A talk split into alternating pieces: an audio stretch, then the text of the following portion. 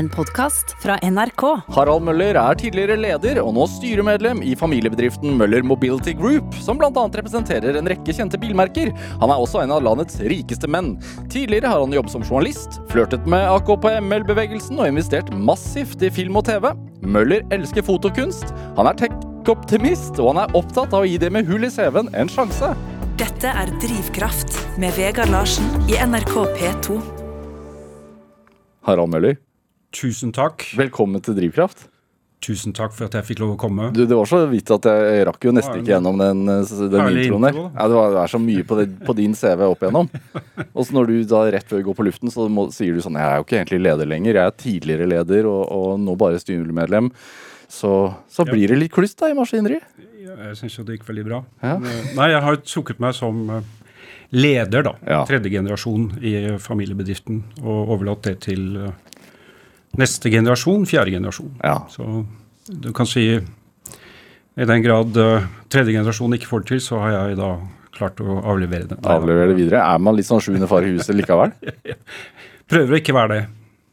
Prøver, men nei.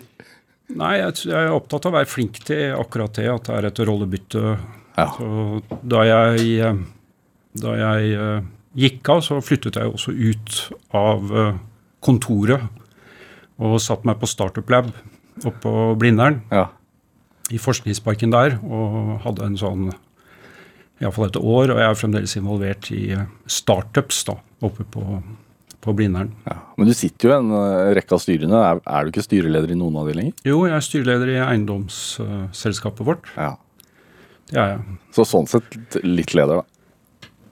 Ja, men det har vært eh, Ja, vi er jo flere, da. Ja. Aktive eiere kaller vi oss. Er det, altså når du, fordi du har jo vokst opp i denne familiebedriften. Ja. Er det Blir man litt sånn ekstra var på og nøye med at hvem som til enhver tid har den rette posisjonen altså på hierarkiet? For ikke tråkke noe på tærne da? Jeg tror mange familiebedrifter har det sånn. Ja. Hvor det er en eh, ja, nepotisme og det er eldste sønnen og sånt som skal, eh, skal inn. Mm. Og det er kamp om eh, Kamp i rekkene bak eh, ham. Men jeg er vel ganske klar på at ikke vi skal ha det sånn. Mm. Så vi, vi jobber mye med involvering, og vi er Det er flere av oss som er aktive. Mm. Min søster eksempel, hun sitter også i en rekke styrer, selv om hun er terapeut og psykiater til eh, daglig. ja. Så man involverer alle. Ja. Hvorfor er at vi det er litt sånn konsensusbasert. At det er, um, det er, det er mye roller og, og sånne ting som at vi har uh, At eierskapet fremstår som enig i de store sakene. Da. Det er innmari viktig, tror jeg. Ja. Og da blir det bra. Hvis du får det til i en familiebedrift, så blir det, det faktisk uh, noe av det beste, etter min mening. Men uh, hvis du ikke får det til, så blir det det aller verste. Hvorfor det, det, det positive først? Hvorfor, hvorfor det beste? Ja, for at da er eierskapet samlet beslutningsdyktig. Det er korte, korte veier til beslutninger. Og så er det kultur, verdier. At du får utøvet det, da. Ja. Som er innmari viktig i alle, alle bedrifter, alle selskaper, alle organisasjoner. Men jeg tror at hvis en øh, familie lykkes, så blir det utrolig bra. Så, og det er jo en ambisjon.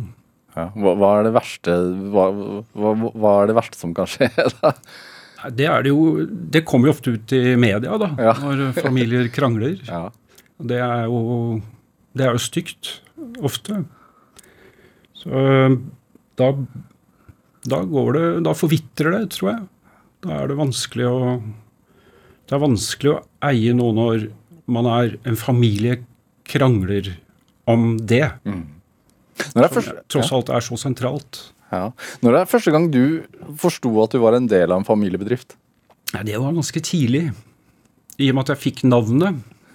Etter min farfar så var det, var det veldig tidlig Ja. at jeg ble bevisst på det. Men da var jo ikke Harald A. Møller da, så stort, så det var ikke alle som eh, visste om det. Men jeg, jeg vokste jo opp med å bli, og ble konfrontert med det og bil da, Mm. veldig tidlig. Hvordan da? Nei, så når du kommer til venner, så begynner de å, og foreldrene begynner da å snakke, snakke om bil. Da. Og hvorfor, eh, jeg husker hvorfor bobla var så dum. Det var en far som sa at det var fordi bensintanken var foran. Um, og da hvis man krasjet, så ville den eksplodere. Så han ville heller ha Saab. Men hadde bensintanken vært flyttet lenger bak, eller bak så hadde han kjøpt bobla. Ja, og hvor gammel var du da? Ja, da var jeg fem-seks, tenker jeg. Noe sånt. ja, og fordi altså, Firmaet til, din, eh, til din farfar da, hadde jo da import av Volkswagen. Ja. ja. Så. Det, det startet uh, i 36, men det var jo Volkswagen kom til uh, etter krigen, da. Mm. I 48. Så man må stå til rette for det. Er det. Har det gjort noe med din bilinteresse, tror du? Jeg tror det. Ja. Jeg tror det er også at man på en måte er bundet opp da, til å tenke Volkswagen og tenke merkene våre og være tro mot dem. Ja. Så, men jeg har jo en jeg, jeg husker min farfar sa til meg da jeg var veldig ung, omtrent på den tiden der, at uh, Så så han ned på meg og sa han du blir nok en fin fyr du, Harald, men nobilmann, det blir du nok aldri. Det tror jeg også har preget meg. Så jeg har jo på en måte ikke, i min oppvekst, da, vært uh, veldig opptatt av familievirksomheten og, og, det å bli bilmann, som man snakker om faktisk i bilbransjen. Det er en god bilmann, eller Hva er det? Det er en, uh, det er en mann, da, med, med, som er litt sånn bilnerd.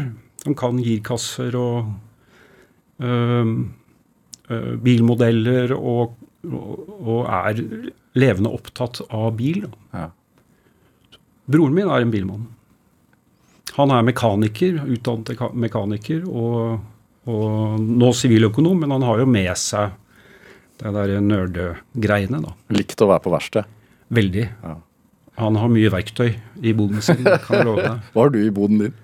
Jeg har en del verktøy. Jeg, også, jeg lærte også å skru fra hverandre motorer og, og rense for gasser og, ja, og sånne ting. Som en del av uh...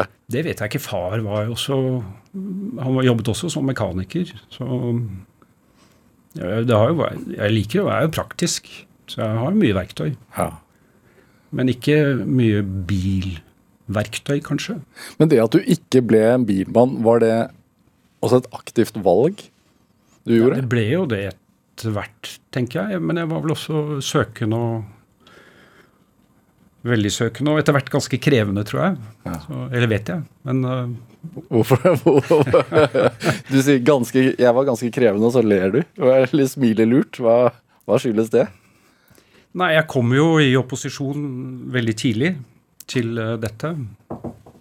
Så jeg hadde, jeg hadde en venn, og, og, moren og faren var uh, AKP-melder, og hun Jeg ble forelsket i henne. Hun var en vakker dame.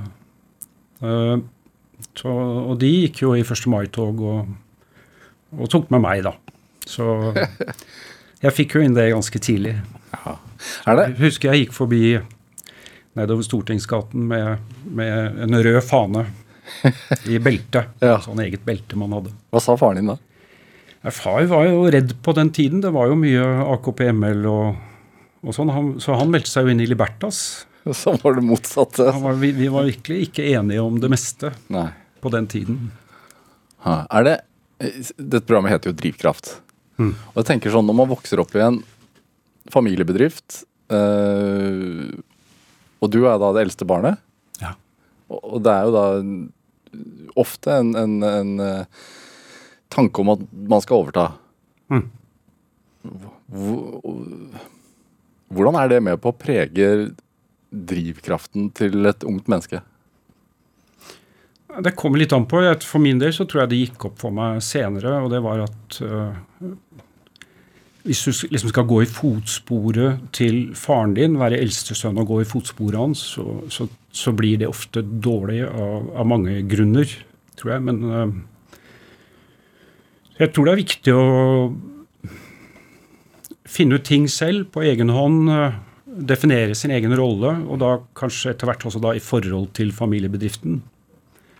Så At det kommer på en måte tilbake igjen. At det passer deig. Det har vel gitt meg en form for drivkraft, da. Men bruker man lengre tid, tror du? Jeg brukte himla lang tid. Men det var igjen at det var eh,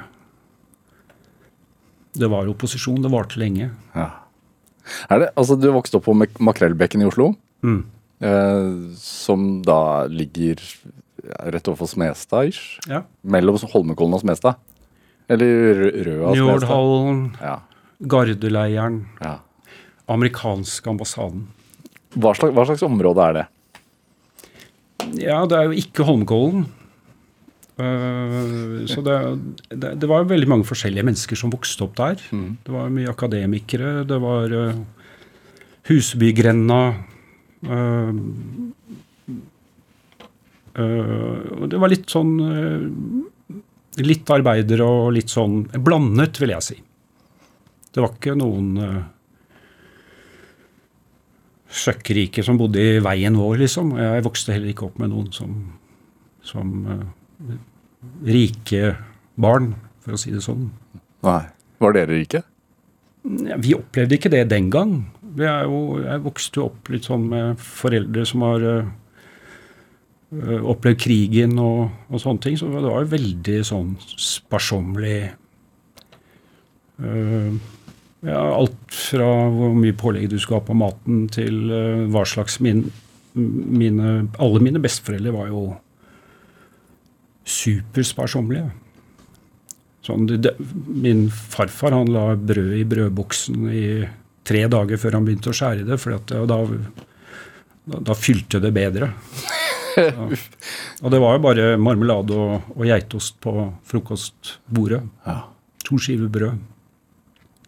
Nærmest asketisk, vil jeg kalle ham. ja. Har det fulgt deg? Mm, Jeg er iallfall ikke noe asket, men, øh, men øh, litt sånn sparsommelig tror jeg nok at jeg fremdeles kan påstå at jeg er. Selv om det er et sånt begrep som kanskje strekker seg inn i hva skal jeg si, en tid hvor øh, ja, hele landet har jo vi jo, Barna våre vokser opp på et femstjerners hotell, pleier jeg å si. ja. Så, men, men jeg tror det. ja. Hva tenker du om det, da? At barna vokser opp i et femstjerners hotell? Nei, jeg Jeg, håp, jeg har iallfall håp, håpet at de kanskje vil få det tøffere innimellom. Så at de kan lære seg å sette pris på hvor øh, Nå høres jeg veldig gammel ut. Øh, Sette pris på hvordan de har det. Ja. Var det, hva, hva diskuterte dere rundt middagsbordet hjemme hos eh, Møller? Ja, vi var jo så stort sett som alle andre familier. Men det er klart det siger inn at man er en del av en øh, virksomhet. Da. Det, er der, øh, det er der husholdet Det er det det er basert på. En, en bedrift som vi også da eier. Er det, hvorfor, hvorfor tror du at farfaren din sa at du ikke var en bilmann allerede som barn? Mm, Jeg tror han tenkte at øh, han så etter et barnebarn som skulle ta over. Og at det ikke var meg. Og da tenkte han det var greit å gi meg en litt annen retning. Ja. Og det Han var nok ute etter det, tror jeg. Ja. Så, Hvem var du, da? Siden, han, siden hans ikke så motorinteressekvaliteter? ja, hvem var jeg? Hva var det jeg ville bli på den tiden? Jeg ville bli arkitekt, husker jeg. Så jeg drev og tegnet og holdt på, men det var ikke noe sånn som jeg klarte å fortsette. Det var Kanskje jeg sa det tidlig, at jeg ville bli noe annet. Det kan godt hende. Er det, når du nå da er da leder av uh, Møller Eiendom, uh, føler du at du er litt arkitekt? Jeg føler at jeg, jeg tenker at hvis jeg sitter i en middag med bare arkitekter, så trives jeg veldig godt. Det tenker jeg. Ja, hvorfor det? Ja, for det har øh, Arkitektur er, øh, det er noe som øh, Det er ikke mange som legger merke til det, men man merker det. Alle merker det. Så det fins flotte bygg, og de gjør noe med deg. Og så fins det bygg som er som sånne åpne sår. Så Har du et eksempel? Ja, jeg, jeg, forsøker jo Jeg er jo businessmann, så jeg forsøker alltid å legge ting bak meg. Og gjøre det beste ut av det som er. Men jeg må jo si at Munch-museet er et sånt eh, bygg som jeg syns er eh, trist.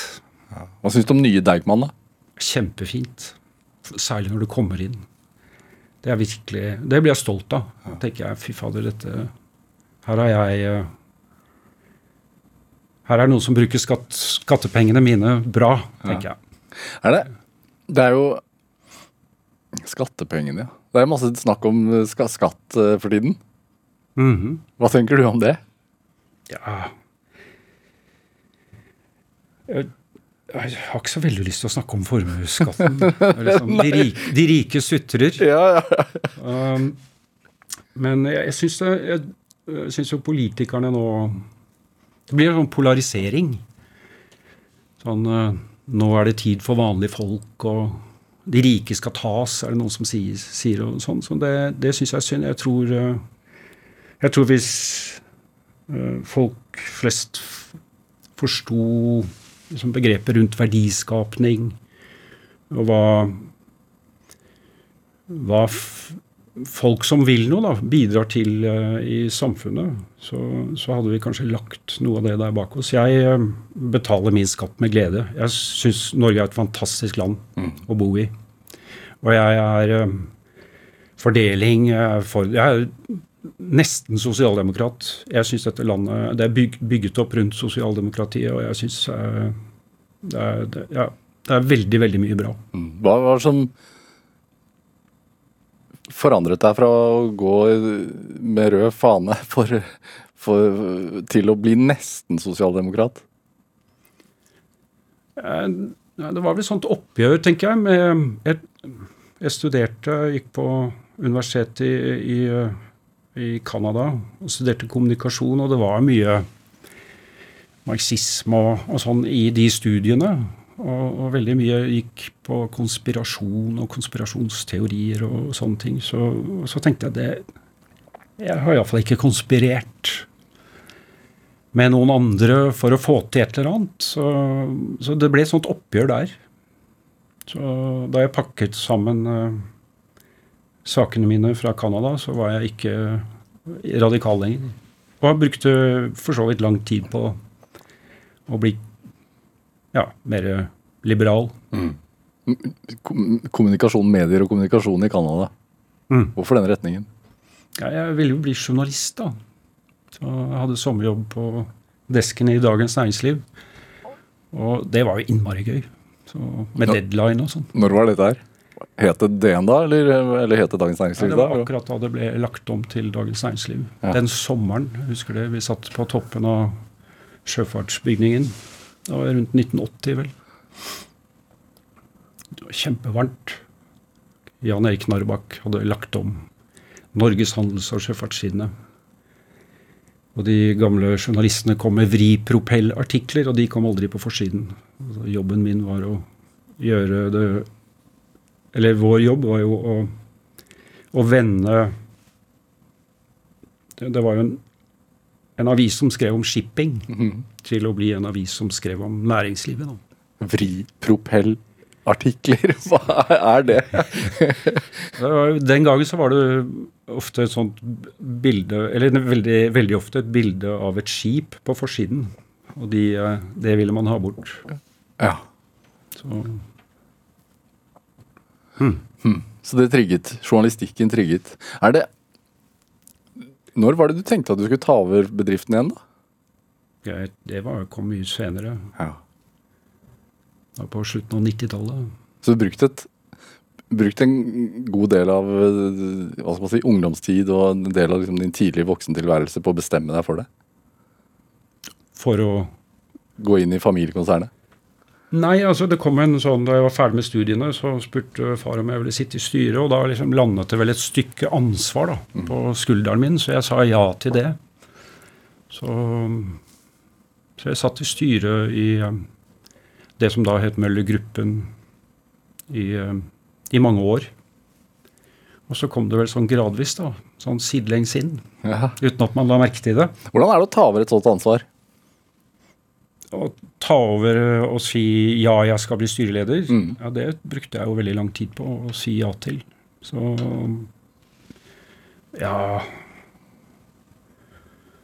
Det var jo det der å ikke ha gått i sin fars fotspor, da.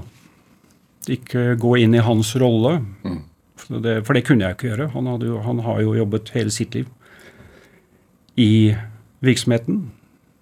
Så det kunne jeg aldri si at jeg hadde gjort. Så da måtte jeg på en måte begynne å definere det, da. Og så var det skal jeg gjøre det? Hva skjer hvis jeg ikke gjør det? Så jeg kjenner jo noen som eh, ikke gjorde det, og som mistet de bedriftene, på en måte. Og det blir også en arv da, som eh, man skal ta med seg. Barna våre skal overta. Mm. At de klarte det ikke. Så det var vel eh, Jeg brukte vel et år på å si at jeg gjør det. Hva fikk deg til å bestemme deg? Jeg, jeg, had, jeg liker å snakke med folk. Jeg har jo, fikk jo anledning til å snakke med mange og stille dem spørsmål, samtaler rundt dette. Og fant vel ut etter hvert at hvis jeg definerte min egen rolle eh, så, Og definerte meg også som en aktiv eier, så jeg kom utenifra, på en måte, så, så kunne jeg klare det. Og så trodde jeg det også at det var viktig at særlig i, i tredje generasjon at man involverer seg, at man går all in. Hva, hva vil det si? Nei, du må, da må du gjøre det med hud og hår, liksom. Da, da, ja, du må gi alt du har. Ja. Hva er du mest stolt av at du fikk til i din periode som leder? da? Ja, det har ikke noe sånn spesielt. Det har jo gått mm, utrolig bra. Utrolig, utrolig bra. Mm. Så øh, jeg tenker det, det For meg, da, så var det jo I og med at det ikke var bilene, så det jeg oppdaget etter hvert liksom Hva er det jeg Hva blir øh, Hva er den store kjærligheten til selskapet? Så er det jo menneskene, organisasjonen, verdiene, kulturen og disse tingene her. Så det var vel det jeg tok mer tak i og følte at eh, ble en stor del av, da. Mm. Så det å At eierne ikke ble borte, da. At vi på en måte var der eh, hele veien. I litt sånn tykt og tynt. Eh, finanskrisen. Dieselgate. Dieselgate, ja. Ja. Da får du jo testet eh, verdiene dine. ja. Virkelig. Så da er, det jo, da er det jo rett ned i kjelleren. Hvordan, er, ja, hvordan vil du beskrive verdiene? da? Hva, hva var viktig i, din, i din, ditt retningsvalg? Nei, er, jeg syns jo det der med, med mennesker og mennesker som jobber sammen og, og får til ting, da, er eh, utrolig gøy. Det er givende å jobbe med. Ja. Så når man driver med business, så gjør man jo Man tar jo veldig mye feil beslutninger. Og, og er jo mye av jobben er jo å rette opp i det, da, på en måte. Og få det til å bli bra igjen. Så, og det er alltid noe. Mm. Det, det, det stopper aldri. Hvordan skaper man en god bedriftskultur, da?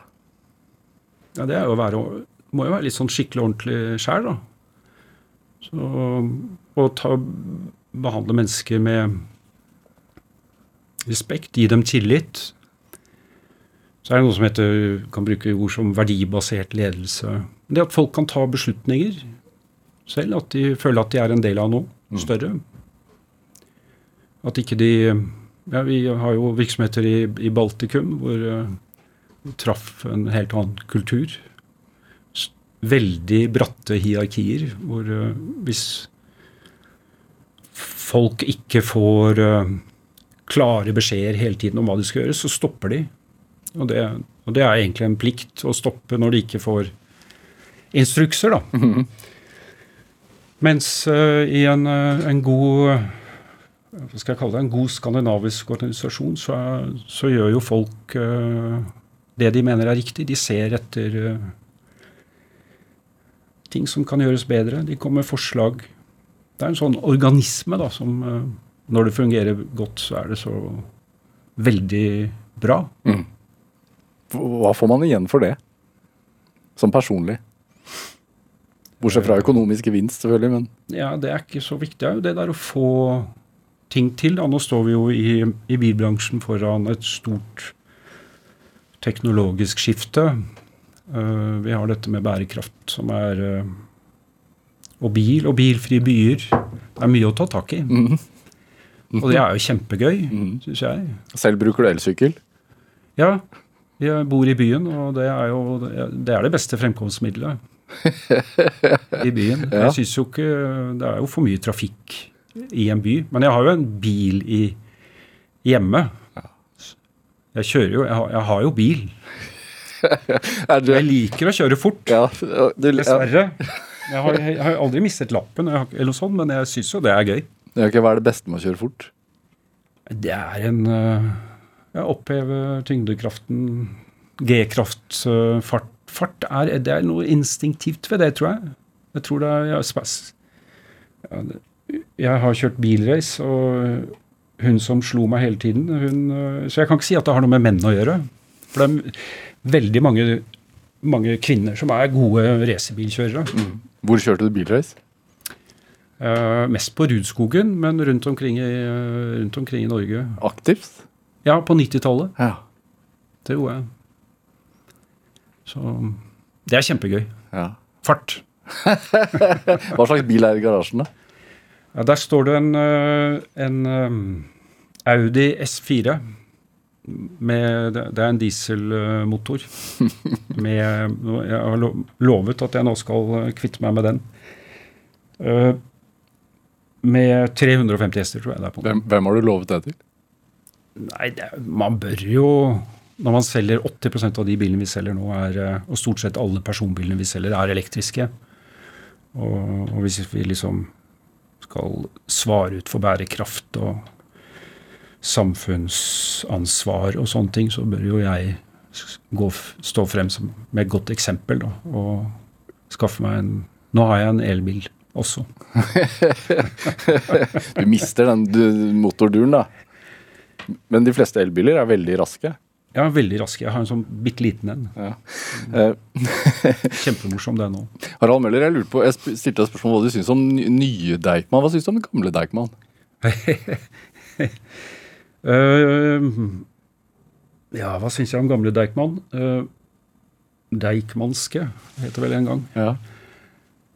Eh, ja, vi kjøpte jo det gamle Deichmanske, da. Ja. Eh, som lå bak eh, Y-blokka. Godt bortgjemt.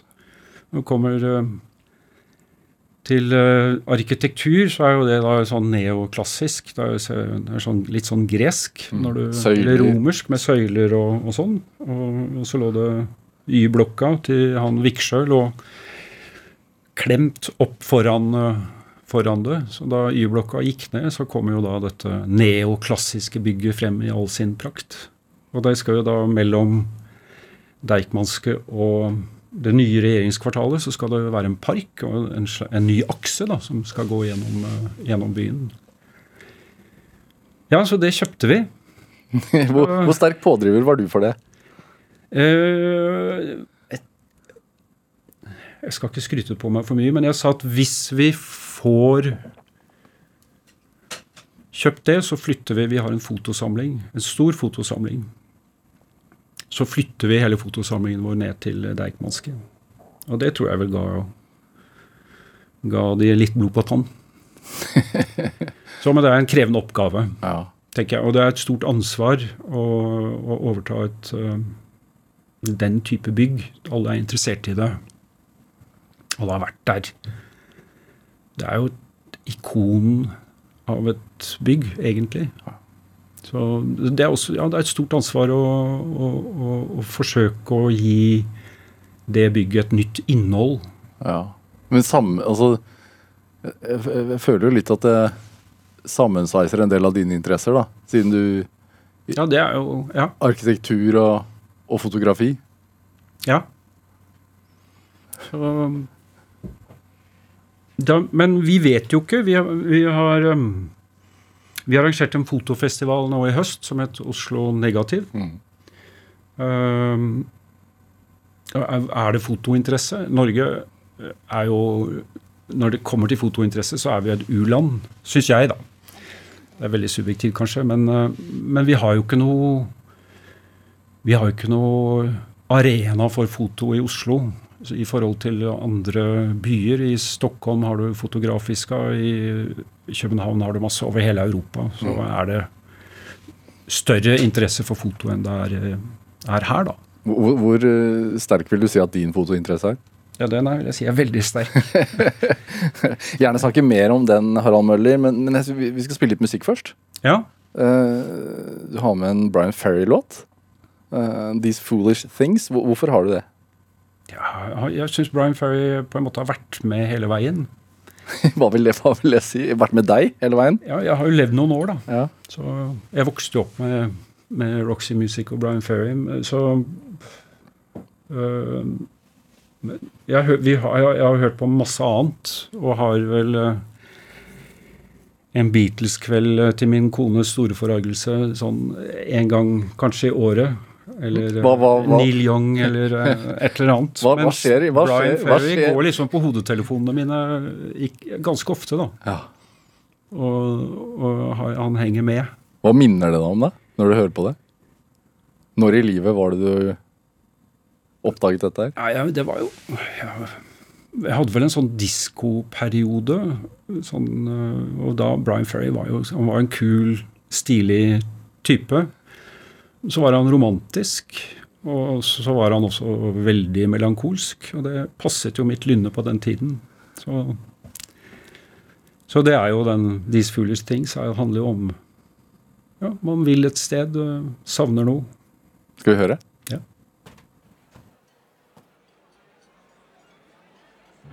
Oh, will you never let me be? Oh, will you never set me free? The ties that bound us are still around us. There's no escape that I can see. And still those little things remain that bring me happiness or pain. A cigarette that bears a lipstick's traces, an airline ticket to romantic places and still my heart has wings. These foolish things remind me of tinkling piano in the next apartment. Those stumbling words that told you what my heart meant. A fairground's painted swings. These foolish things remind me of you. You came, you saw,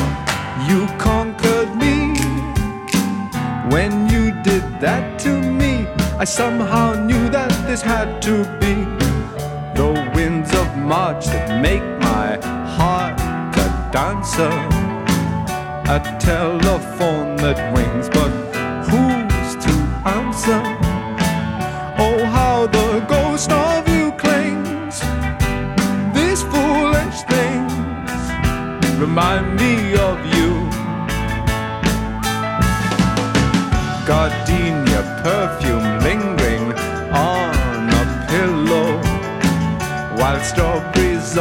seven francs a kilo, and still my heart has wings. These foolish things remind me of you. The park at evening when the bell has sounded. The Ile de France with all the girls around it. The beauty that is spring. These foolish things remind me of you. I know that this was bound to be These things have haunted me, for you've entirely enchanted me. The sigh of midnight trains in empty stations, silk stockings thrown aside, dance invitations. Oh, how the ghost of you clings. These foolish things remind me.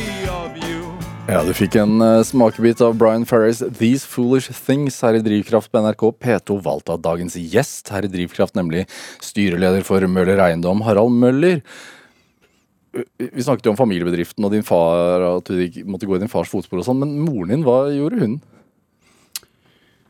Ehm, det, var, det var en del av min min uh, opposisjon, da, tenker jeg også. At jeg Jeg husker vi fikk uh, julekort, og der sto det 'Fru direktør Jan Møller'. Så jeg, jeg følte at jeg eh,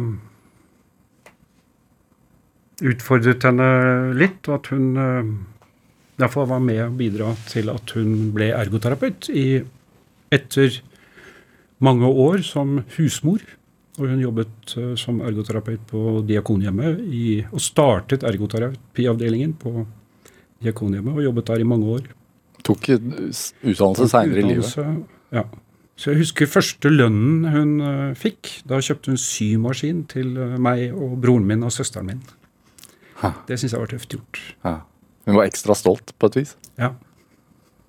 Det var hun. Hva, hva hadde det å si for deg, tror du? Jeg tror det var innmari viktig. Hun har jo, nå er hun gammel. Øh, tatt øh, lårhals nummer to nå rett før jul. Og hun er full av pågangsmot og mer fandenivoldsk enn det hun noen gang har vært. Og det syns jeg jo bare er helt imponerende. Ja. Så, Har du arvet mest av hun, tror du? Av lydene?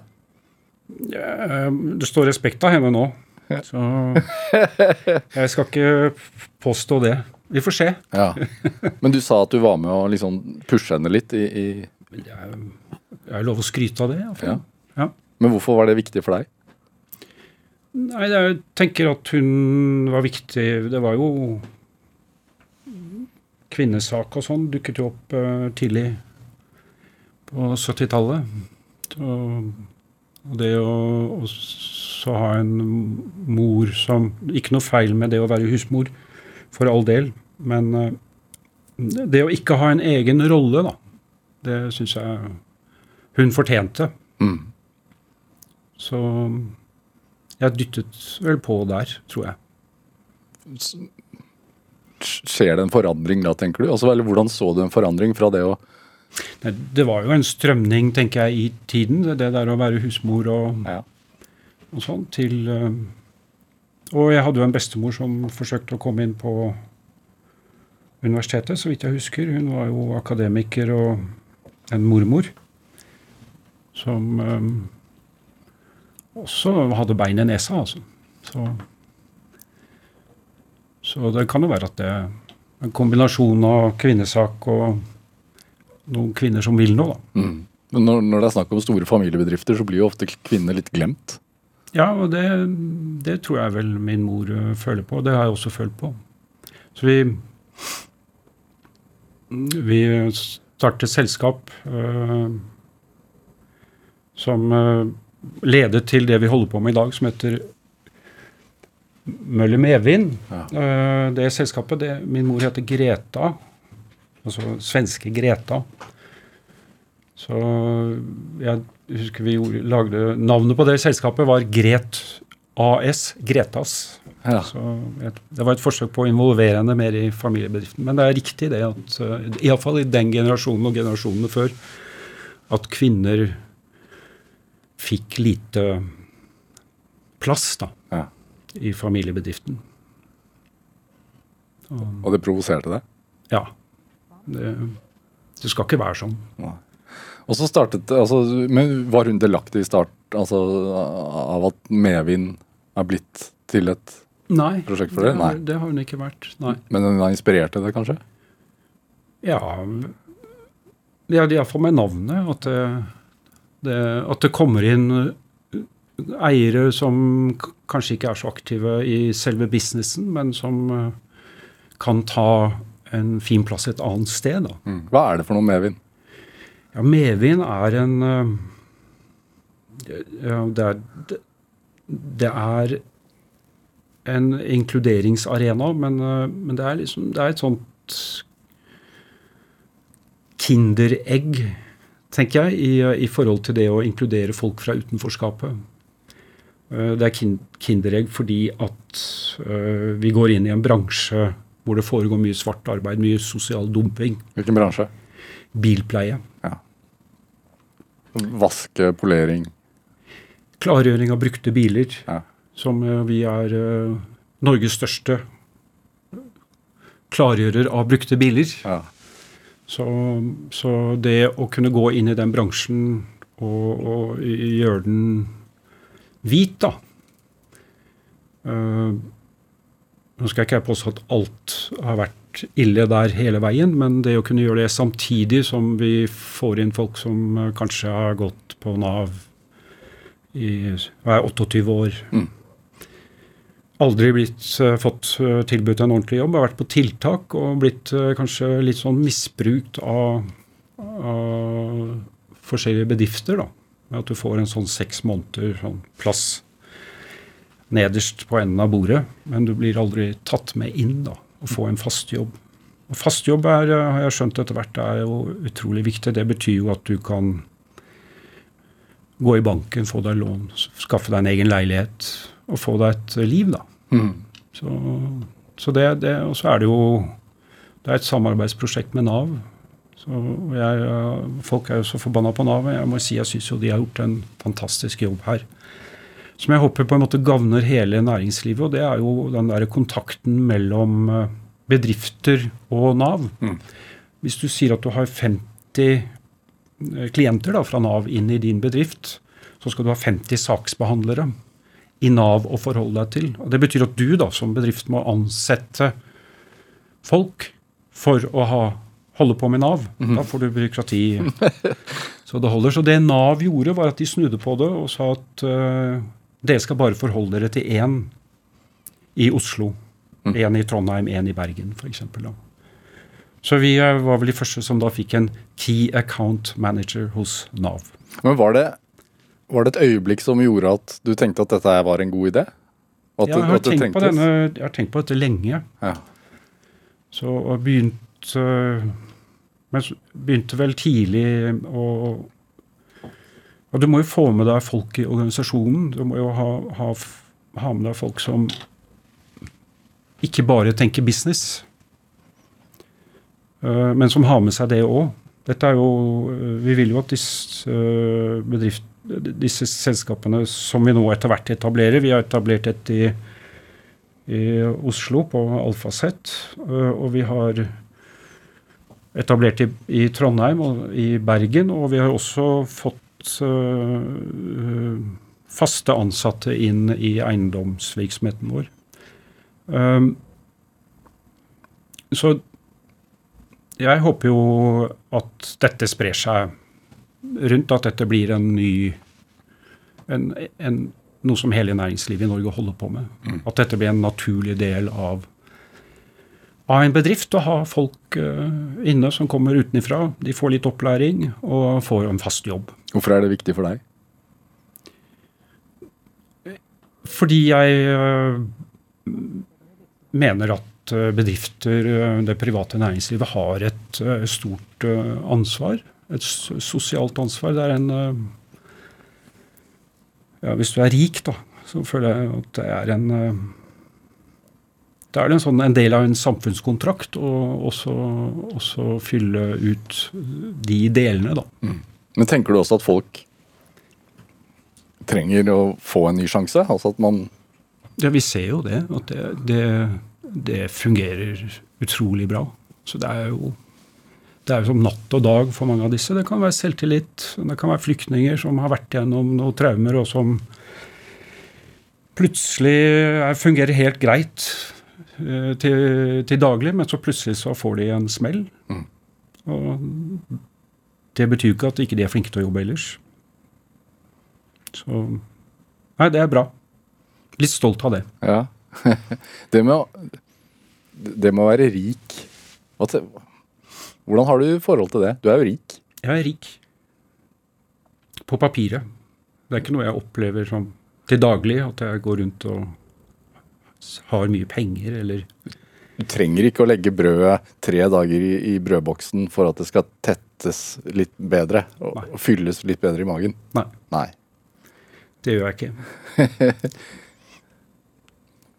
Nei, det er Én ting er å kanskje være rik, en annen ting er å bli opplevd eller sett på som rik, da. Det, er- det er en del sånn forutinntatt Vi er jo vanlige folk, vi òg. Liksom. Og så er det jo Når det står at jeg er eh, rik på papiret, så er jo det Det er ikke penger jeg har i banken, eller eh, Som jeg velter meg ikke i de private, iallfall. Det er jo i bygninger og verktøy og, og sånn, inne på verkstedene og, og sånn. Der ligger, jo, der ligger jo min kapital, da. Ja. Så, og den vil jeg gjerne fortsette å investere. Og, og skape gode bedrifter. Og kunst. Hm? Og kunst investerer du i. Ja, det er jo i forhold til resten, så er jo det bare en brøkdel. Men, eh, men det er jo blitt stort, det òg. Ja. Det har det. Hva, hva, hva var det første kunstverket du kjøpte? Husker du det? Ja, det husker jeg. Det var en uh, venn av meg som var fotograf, som uh, stilte ut på Fotogalleriet i Oslo. Til Jon Stenersen. Han jobbet som fotograf i VG. Han er vel i dag naturfotograf. Dette er et bilde han tok fra Afrika. Som er det første fotoet jeg kjøpte. Fordi jeg syntes det var fint. Ja, Hva er det bilde av? Det er bilde av en eh, gambier som står i en eh, båt og ser Det er tatt litt sånn ovenfra. Og så er det litt sånn uskarpt i kantene, og så er øynene hans sylskarpe. Det er et veldig bra foto. Ja. Hva? Det å bli interessert i fotografi altså du, Før vi spilte Brian Ferrier, så sa du jo at eh, fotokunst eh, blir ganske stemoderlig behandlet eh, her i landet. Jeg, jeg, eh, jeg er litt opptatt av at foto ikke bare er fotokunst. Og samlingen vår gjenspeiler vel også det at det er reportasjebilder, det er øyeblikk. Det er årets bilde. Og kanskje lite fotokunst. Jeg blir utfordret på det, så det blir mer fotokunst fremover. Men jeg er opptatt av der, de øyeblikkene som foto skaper, som jeg ikke Og, og hvor kanskje foto glir over, da, i, i kunst som er eh, mer demokratisk enn annen, annen kunst. Annen kunst er ofte abstrakt og for vanlige folk ikke så enkelt å se. Og det må gjerne stå en som har studert kunsthistorie og fortelle hva det bildet egentlig er for noe. Mens foto kommer liksom rett på og forteller deg noe med en gang. Ja. Så det, det er vel eh, Og det har gitt meg mye opp gjennom årene. Jeg vokste jo opp sånn på 70-tallet, og da var det jo Life og Time og Vietnamkrigen og Det er jo øyeblikk som jeg aldri glemmer. Så det å samle på sånne øyeblikk, da det, Og gi, vise det til andre, gi de øyeblikkene til andre, det syns jeg er, er innmari gøy. Og så virker det. altså Folk blir veldig interessert. Ja. Det er gøy med foto. Hvor stor er samlingen? Det er på nesten 1000 bilder. Ja. Hvor, hvor sto Altså hvor delaktig er du av det, av det, i det som kjøpes inn? Jeg sitter i en sånn innkjøpskomité. Så, men jeg har ikke noe vetorett, så det er jo en del ting som, eh, som blir kjøpt nå som ikke jeg nødvendigvis eh, Nei, jeg syns jo det er, det er et sted å inkludere. Det er jo en, en innkjøpskomité hvor uh, uh, sjefen for uh, eiendomsselskapet vårt og representanter fra de andre, eller bilvirksomheten Mm. og um, våre barn møtes, og det er jo en sånn spennende arena, tenker jeg. Omgir du deg med, de, med en del av bildene hjemme? Nei, nei. Andre fotografier da, som kanskje ikke er i samlingen, men som du har kjøpt? Nei, veldig lite. Min eh, kone hun maler, så der er det mye. Og hun driver jo og samler på egenkunst, Så ja, vi krangler litt om at det kanskje det får henge et lite foto her og der. Men, eh, men nei, Nei. ikke så mye der hjemme. Er, det, er huset deres et stort atelier, egentlig? Det virker litt sånn. Jeg fikk litt inntrykk av det, at det, var, at det er litt sånn. Hun har atelier ved siden av huset. Ja. Men hva gir det deg å omgi, omgi deg med, med kunst generelt, da? jeg tror jo kunst er innmari viktig. Hvis vi, vi snakker om drivkraft, så tror jeg jo det er en Det er det med å drive samfunnet litt fremover. At vi vil til et sted hvor vi ting er bedre. Vi definerer ting på en annen måte, som nødvendigvis Ja, jeg har jo alt Ja, det er en drivkraft i kunsten som jeg er veldig opptatt av. Ja. Hva er din drivkraft, da? Det kribler. Hva vil det si? Det er bra her, men uh, ikke nødvendigvis at det er grønnere der borte, men jeg tror det er over fjellet, og på andre siden så er det noe som er bedre. Og jeg vil ta, gjerne ta med meg andre dit. Jeg vil at samfunnet skal bli bedre hele tiden. Ja. Og jeg vil være en bedre eier hele tiden. Hva, hva strekker du deg mot nå, da? I forhold til det? Ja, nå er jo det er kloden og bærekraft og øh, fotavtrykket vårt og, og disse tingene. Uh, på eiendom så er det alt fra byrom hvordan Hvorfor er det fint å gå her, og hvorfor er det ikke fint å gå her? Hva er det Jeg går jo Jeg liker jo å gå steder i byen. Jeg liker byen veldig godt. Og så kan man jo spørre seg hvorfor er det plutselig ikke noe hyggelig her, og så er det så hyggelig å gå her. Så går jeg omvei, da. Fordi jeg syns det er hyggeligere å gå ned den gaten. Og da er det ikke Det er ikke bare arkitekturen, det er menneskene, det er butikkene, det er eh, fuglekvitter, trær som, som bymiljø. Mm. Det syns jeg er innmari spennende. Og så er det da mobilitet i byene. Der har ikke jeg noe godt svar. Jeg er veldig lei av sånne animerte filmer på YouTube som, med selvkjørende biler som kjører rundt og løser mobilitetsproblemene i byene. Ja. Har du troa på de? Ja, jeg tror det kommer, men jeg, jeg tror det tar lengre tid. Og det er ikke løst. Det kommer jo til å bli et stort skifte. Det blir jo taxier til alle, da, på en måte. Men om det nødvendigvis bidrar til mindre biltrafikk, det er jeg ikke så sikker på.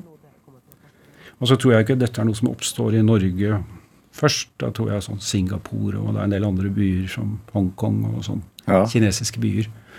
Så vi får, vi får mulighet, muligheter til å studere dette i mange år før det kommer til uh, Oslo. Men det, det, det snakkes om hos bilimportørene. Ja, det var veldig populært for noen år siden. Ja. Men det er sånn, vi sier at det kommer om ti år hvert år. så, så jeg tror ikke det er noe sånn som, eh, som kommer. Men det er, elektrifisering, elektrifisering er jo eh, kjempestort. Og der er jo Norge er jo episenteret for elektrifisering. Og der er det utrolig mye spennende vi kan gjøre. Og hvor eh, Startup Lab eh, sitter og tenker ut løsninger når det gjelder lading. Lading i, i sameier. Hvordan eh, lader du hvis naboen ikke lader? Hvordan betaler du? Når skal du bruke Nå er det blitt mer aktuelt med strømpriser og sånn. Det setter jo fart i disse tingene her. Som, øh, men det å lade på natten Det er kanskje ikke lade full bil fordi du skal bare dit. Mm. Uh, jobben er ikke så langt unna.